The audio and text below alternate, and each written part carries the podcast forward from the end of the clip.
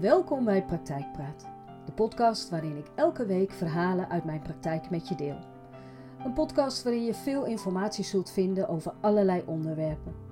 Mijn naam is Angelique van der Wetering, therapeut, mindset coach en spreker. Mijn grote liefde heeft alles te maken met bewustzijn en mindset. Mensen bewust maken en in beweging brengen, dat is mijn grote passie. Ik heb het allermooiste vak van de hele wereld en ik neem je dan ook graag mee in de verhalen uit de praktijk. Ik wens je veel inspiratie. In dit verhaal vertel ik over Joska. Ik ontmoette haar een aantal jaar geleden en haar verhaal is me altijd bijgebleven. Joska zocht hulp om haar eigen identiteit weer te vinden. Ze voelde zich onzeker en angstig in de meest voorkomende situaties en sloot zich met die reden vaak op. Haar verhaal en het verloop van haar reis op zoek naar zichzelf heeft zoveel indruk op mij gemaakt dat ik haar gevraagd heb of ik over haar mocht schrijven en vertellen. Dapper als ze is, mocht het, met als voorwaarde dat ik haar alles vooraf zou laten lezen. In de zomer kreeg ik een mail van Joska. Hallo, mijn naam is Joska. Ik ben op zoek. Op zoek naar mezelf, naar wie ik ben. Ik heb het gevoel mezelf langzaam kwijt te raken. Ik sluit mezelf op omdat ik mij angstig, maar vooral onzeker voel in bijna alle situaties. Of ik nu in de supermarkt loop of op de koffie ga bij een vriendin. Ik heb mij inmiddels ziek gemeld op mijn werk omdat ik het allemaal niet meer aan kan. Ik voel mezelf onder continue druk staan. Altijd, de hele dag door. Ik heb geen fijne jeugd gehad en ik denk dat dit in mijn leven een grote rol speelt. Ik weet echt niet meer hoe ik hieruit moet komen. Help! Vriendelijke groet, Joska. Niet veel later zit Joska tegenover mij. Haar grote bruine ogen kijken mij doordringend aan. Wat een mooie naam heb je. Dank je, zegt ze. Ik vind het zelf ook wel een mooie naam. Mijn ouders hebben er flink ruzie om gemaakt. Mijn moeder wilde, als ze een meisje kreeg, dat het Josien genoemd zou worden. En mijn vader wilde de naam Karin. Zo heette zijn moeder. Na veel strijd werd het Joska. Daar zijn ze dan toch maar mooi uitgekomen samen, antwoordde ik. Dat is dan de eerste keer en gelijk de laatste keer dat ze ooit ergens uit zijn gekomen, grijnst ze. Achter deze grijns is veel te zien. Ik zie frustratie, verdriet en een hoop onzekerheid. Joska ziet mijn onderzoekende blik en kijkt naar de grond. Ik kan een boek schrijven over mijn jeugd, over wat ik heb meegemaakt, over wat ik heb gemist. En vooral dat laatste, daar loop ik nu ontzettend tegenaan. En dat is heel confronterend. Wat heb je het meest gemist, Joska? vraag ik. Ik denk veiligheid. Tot op de dag van vandaag voel ik me niet veilig of prettig in heel veel situaties. Onzeker ben ik dan. Echt een heel naar gevoel. Heb je een idee waar dat vandaan zou kunnen komen? Wanneer en hoe het ontstaan is? vraag ik haar. Ze valt even stil en de gedachten die door haar hoofd gaan raken haar duidelijk. Joska. Oh, ja, sorry, waar het vandaan komt. Ik denk dat ik dat wel helder heb. Mijn moeder had een dwangstoornis. En nu ik de laatste tijd zoveel dingen bij elkaar aan het optellen ben, weet ik zeker dat dat niet het enige was waar ze last van had. Alles lag altijd aan een ander. Zij deed nooit iets fout en dat liet ze merken ook. Ze dacht ook altijd dat mensen haar benadeelden of over haar roddelden. Ik ken werkelijk waar niemand die zo negatief in het leven stond als zij. Een beetje narcistisch wel. En als kind wist ik nooit hoe ik me moest gedragen als ik uit school kwam. Moest ik stil zijn omdat ze weer eens met hoofdpijn op de bank lag?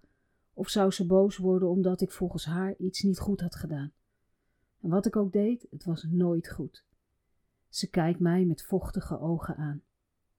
En je vader, hoe ging hij daarmee om? Wat was zijn rol in dit verhaal? Mijn vader.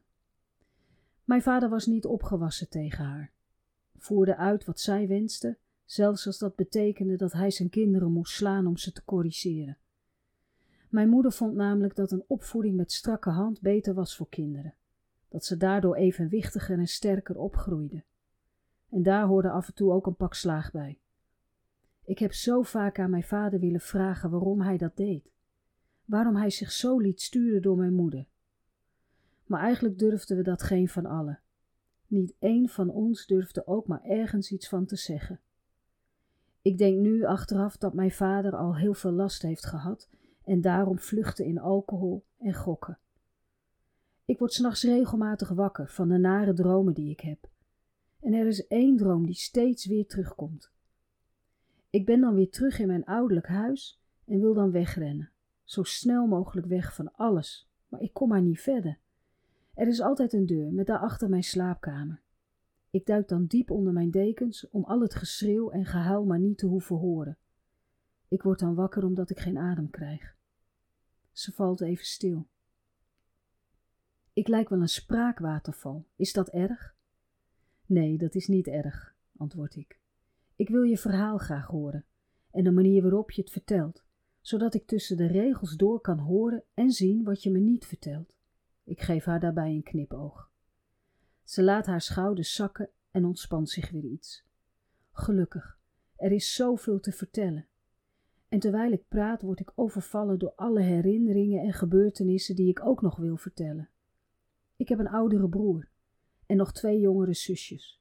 Mijn oudste broer leeft niet meer. Hij is drie jaar terug overleden. Kanker. Heel naar. Ik heb me zo boos en onmachtig gevoeld. Waarom hij? Mijn vader leefde toen nog. Ik durf het bijna niet te vertellen wat ik toen wenste. Zo boos was ik op mijn vader. Hij kon beter. Ze valt stil. Er rolt een traan over haar wang. Nog eens zeven maanden later, na het overlijden van mijn broer, overleed heel plotseling mijn vader. De grootste klap vond ik het besef dat ik nooit meer een antwoord op mijn vragen zou krijgen. Waarom? Waarom stond hij niet voor ons op en liet hij dit toe? Ik bleef met zoveel vragen achter. En nu, na ruim twee jaar, heb ik nog maar één vraag. Hoe kom ik hieruit? Ik wil weer leven, mijn verleden achter mij laten, uitvinden wie ik ben. Ik weet niet eens wat ik echt leuk vind. Doe vaak maar dingen omdat ik anderen dat zie doen. Ik vraag me ook vaak af hoe ik iets moet doen, hoe ik moet reageren in situaties. Mijn omgeving noemt me besluiteloos. En als ik een besluit neem, dan is dat vaak de verkeerde. Ze kijkt op haar horloge en zegt: Ik heb geen idee hoe laat het is. Het lijkt alsof ik uren heb zitten praten, zo moe ben ik. Eigenlijk wil ik graag naar huis. Zichtbaar vermoeid en aangedaan gaat ze naar huis. Joska heeft veel dingen uit haar jeugd niet kunnen verwerken. Haar brein stond altijd aan en altijd in de overlevingsstand. Dat maakte haar alert. Haar brein was inmiddels goed getraind om mogelijk gevaar en onveiligheid te herkennen. En dat lukte zo goed dat er geen ruimte meer was voor leuke dingen. Sterker nog, daar was ze helemaal niet mee bezig. In alles zag ze onveiligheid en zo voelde ze zich ook, waardoor ze situaties ging vermijden, excuses zocht om maar bijvoorbeeld niet te hoeven gaan. Langzaam isoleerde ze zichzelf, waarin ze zich wijs maakte dat ze nou eenmaal die rust nodig had en niet zo'n outgoing type was. Nee, laat mij maar, het is oké, riep ze vaak. De lading die op haar bewogen jeugd lag, zorgde voor angst. Ze durfde veel dingen bij voorbaat al niet meer. Haar angst werd duidelijk angst voor de angst en zorgde ervoor dat ze zichzelf ook niet meer uitdaagde om wel dingen te ondernemen. Lading is emotie. En wanneer de emotie die bij de gebeurtenis hoort gaat vertellen wat je wel en wat je niet moet doen, dan staat het je rationele denken in de weg. Met andere woorden, je emotie is dan de bestuurder en je rationele brein de bijrijder. En wanneer angst de route bepaalt, dan weet je waar je heen gaat. Naar eiland angst. En op eiland angst woont paniek. Het lukt dan niet meer om te relativeren en het besef dat alles waar je bang voor bent in het verleden hoort, is geen gedachte die dan bij je opkomt. Het gevolg is dat je je gaat gedragen alsof alles nog steeds gebeurt. Je gaat situaties vermijden die je onzeker maken en waarin je je niet veilig voelt. Om lading van gebeurtenissen af te halen, werk ik veel met EMDR. EMDR is een traumaverwerkingstherapie. Een interventie die snel en in ongeveer 90% van de verhalen goed werkt. De herinneringen worden in een ander deel van de hersenen opgeslagen, in het langetermijngeheugen, waardoor de emoties en de betekenis van de gebeurtenis verandert. Het verliest daardoor de meeste lading. En wanneer een gebeurtenis zijn emotionele lading verliest, kan de emotie niet meer de route bepalen. Wanneer je last blijft houden van gebeurtenissen uit het verleden, dan kun je spreken van een trauma. Nu heb je trauma's met een grote T en trauma's met een kleine t. Bij beide heb je er last van en belemmeren ze je dagelijks functioneren. Je kunt dan problemen ervaren in het omgaan met jezelf en anderen. Zo kun je het gevoel hebben minder controle te hebben over je gedrag en gevoelens. Je kunt je terugtrekken en somber zijn. Maar je zou ook druk kunnen voelen of constant met een opgejaagd gevoel rondlopen. Wanneer je last hebt van een trauma, is het lastig om rationeel te blijven denken. Het rationele brein, de neocortex, dit, die uit zich via gedachten. En het gevoelsbrein, het limbische systeem, uit zich in lichamelijke reacties. Zo kun je last krijgen van misselijkheid, buikpijn, maar bijvoorbeeld ook een paniekaanval krijgen. Wanneer je blijft rondlopen met een trauma of deze niet goed verwerkt, dan levert dit langdurige klachten op. Er kan dan PTSS ontstaan, een posttraumatisch stressstoornis. Nu ontwikkelt gelukkig niet iedereen PTSS na een traumatische ervaring. Ongeveer 50 tot 80 procent van de Nederlanders maakt in zijn of haar leven minstens één potentieel traumatische gebeurtenis mee. Ongeveer 7 procent ontwikkelt uiteindelijk een posttraumatisch stressstoornis. Nu kunnen de meeste mensen een trauma goed zelf verwerken. De herinneringen en het nare gevoel dat erbij hoort worden steeds minder. Maar soms lukt dat niet en blijven de herinneringen en de gevoelens terugkomen. Een trauma verwerken doet ieder op zijn eigen manier en tempo. De steun van je omgeving, familie en vrienden is hierbij erg belangrijk. Wat minstens zo belangrijk is, is tijd. Neem de tijd en wees mild voor jezelf. Streng zijn en te snel willen kunnen ervoor zorgen dat je last krijgt van weerstand. Het proces duurt dan alleen maar langer. We gaan terug naar Joska. Ze zit tegenover mij en heeft veel nagedacht. Ik denk aan haar uitgebreide mail die ze mij na ons eerste gesprek stuurde.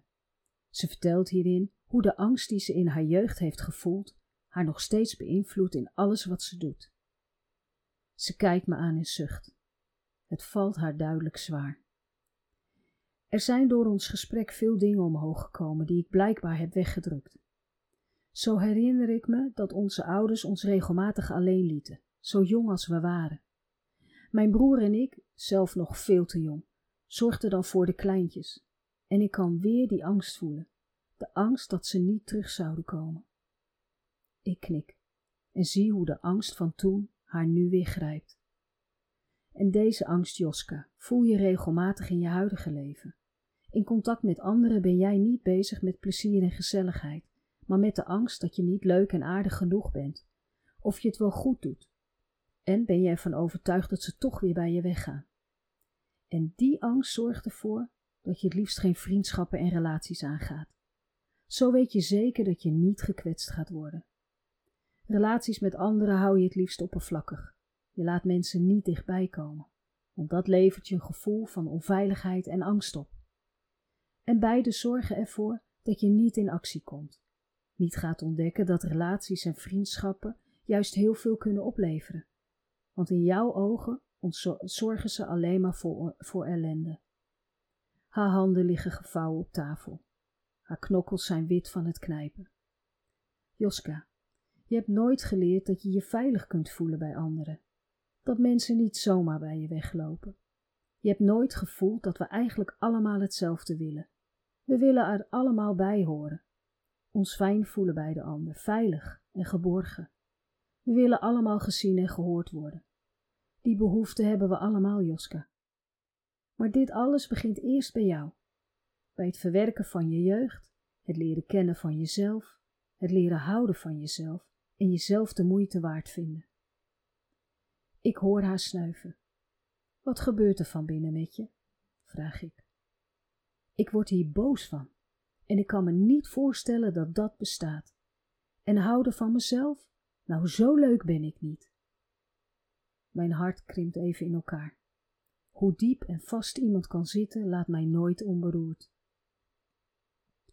Dat komt omdat je door je jeugd daar nooit open voor hebt gestaan. Je bent gaan geloven in de dingen die je ouders jou hebben geleerd. Dat is jouw waarheid geworden. Zij hebben jou met hun handelen laten zien dat je niemand kunt vertrouwen en mensen je alleen maar kwetsen. En daar ben je jezelf tegen gaan beschermen. Jezelf afzonderen en isoleren is een manier om jezelf te beschermen. En niet van jezelf houden ook, hoe gek dat misschien ook klinkt. Voor Joska waren de gesprekken en behandelingen niet eenvoudig en regelmatig zo confronterend dat ze soms het gesprek onderbrak om naar huis te gaan. Vooral het kijken in haar eigen spiegel, ook letterlijk, viel haar zwaar. Het idee de moeite waard te zijn en zichzelf de moeite waard te vinden was een denkbeeld dat heel veel weerstand opleverde en waar ze het liefst voor wegliep. Naarmate de behandelingen vorderden, nam Joska's boosheid af, werd haar angst minder en ging ze langzaam maar zeker openstaan voor wat ze zag in haar eigen spiegel. Daardoor kon ze afstand nemen van bijna alles wat niet van haar was, maar bij haar ouders hoorde.